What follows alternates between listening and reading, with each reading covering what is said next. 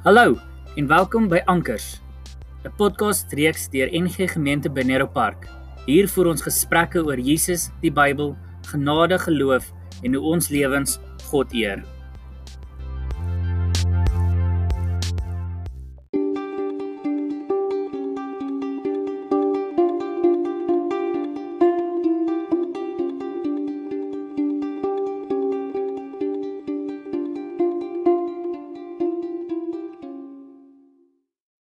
Goeiemôre. Ons is vandag by Maandag die 25ste Mei en ons kyk na 2 Korintiërs hoofstuk 3.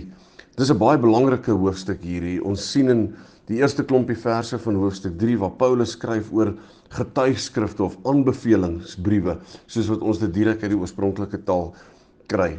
Wat nogal interessant is of wat ons moet onthou, is dat ek dink die meeste van ons het aansoek gedoen vir ons eerste werke of so iets met 'n getuigskrif in die hand. Ons het as ons uit skool uit gekom het, het ons 'n getuigskrif gekry by die skool en daarmee is jy na 'n klomp plekke toe en later het jy weer 'n getuigskrif gekry. Ek kan onthou in die vroeëre deel van my bediening hier in die ehm um, laat 80s het ek baie getuigskrifte geskryf en terwyl ek by Pikkandelaar was, die studentegemeente in Potchefstroom, net so baie getuigskrifte vir studente geskryf. Want hierdie getuigskrif sê in 'n paar sinne, dis amper onregverdig om in 'n paar sinne te sê wat die karakter van hierdie persoon is en ek ken hierdie persoon en so aan en ek kan hierdie persoon aanbeveel. En dit is presies dieselfde wat in Paulus se tyd gebeur het. Paulus skryf hierso en hy sê maar ons aanbevelingsbriewe is eintlik ons lewens. In hoofstuk 1 Ag hoofstuk 3 vers 1 skryf hy begin ons nou alweer om onsself aan te beveel. Wat gebeur het is daar was mense wat met vervalste aanbevelingsbriewe of getuigskrifte by plekke gekom het.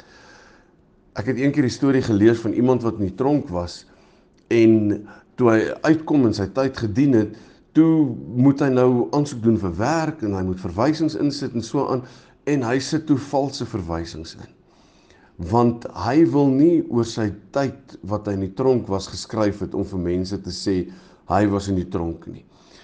En wat hy toe doen is hy het ver, met hierdie vervalste verwysings het hy fiktiewe name en adresse gebruik en so aan maar hy het dit so gemaak dat op 'n manier het die briewe na hom toe gekom en sy bedoeling was om namens iemand anders wat dan uiteindelik hy self was hierdie getuigskrifte of hierdie aanbevelingsbriewe vir homself te skryf. Hy is natuurlik uitgevang en mense het om een kant toe geskuif as gevolg van dit wat hy gedoen het.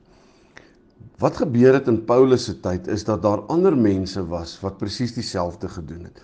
Hulle het vervalste aanbevelingsbriewe of getuigskrifte dan geskryf want hierdie getuigskrifte het hulle gebruik om as jy van een dorp na ander een toe gaan, moet daar darm iemand wees wat sê ek ken hierdie persoon, hierdie persoon is wettig, goeie karakter en so aan hulle het nie die voordeel gehad van WhatsApp en e-pos en ek wil sê tot 'n paar jaar terug fakse en sulke goeders nie. Jy moes met 'n brief van iemand gekom het wat belangrik was. Paulus skryf in vers 3. Hy sê julle toon duidelik dat julle 'n brief van Christus is.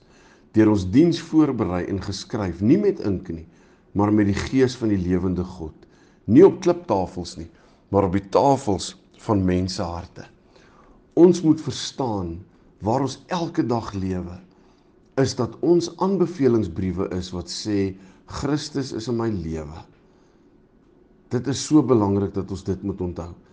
Ek het in my lewe al baie keer gehoor dat mense half op 'n negatiewe manier na Christene verwys met sê o, daai ou is 'n Christen, moenie met hom besigheid doen nie. Ander mense sal sê ek wil nie met Christene besigheid doen nie want baie keer is hulle oneerlik in die manier waarop hulle besigheid doen en hoe hulle leef sê nie dat Christus in hulle leef nie. En dit is 'n belangrike ding wat ons moet onthou. Dat ons met ons leefwyse beveel ons omtrent vir Jesus aan by ander mense. Soos ons vandag met ons self wil eerlik wees, kan ons ook vir onsself die vraag afvra: Wat sê my lewe oor Jesus Christus? As ek ek wil amper sê daarop roem om te sê maar ek lewe soos wat God vir my vra. Hoe lyk my lewe? Dat ons vir onsself daardie vraag eerlik gaan antwoord.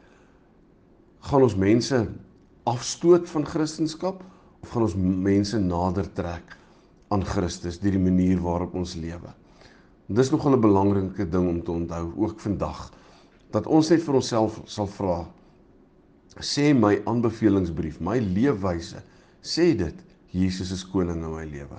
Kom ons het gebruik vandag bietjie om daaroor te dink en net weer seker te maak dat ons op koers is, dat ons regtig sê Jesus is koning in my lewe, dat ons lewens dit uitpas sy. Kom ons bid saam.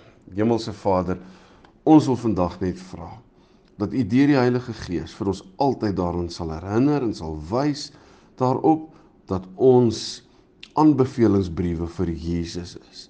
Dat ons lewens moet sê ek ken vir Jesus en ek leef volgens dit wat ek by Jesus leer uit sy woord uit. Dit is my onderneming vir vandag en môre elke dag hierna om goeie aanbevelingsbriewe te wees vir Jesus Christus en nie mense de mekaar sal maak met die manier waarop ek lewe nie. In Jesus, ons koning en ons Heer, se naam bid ons dit. Amen.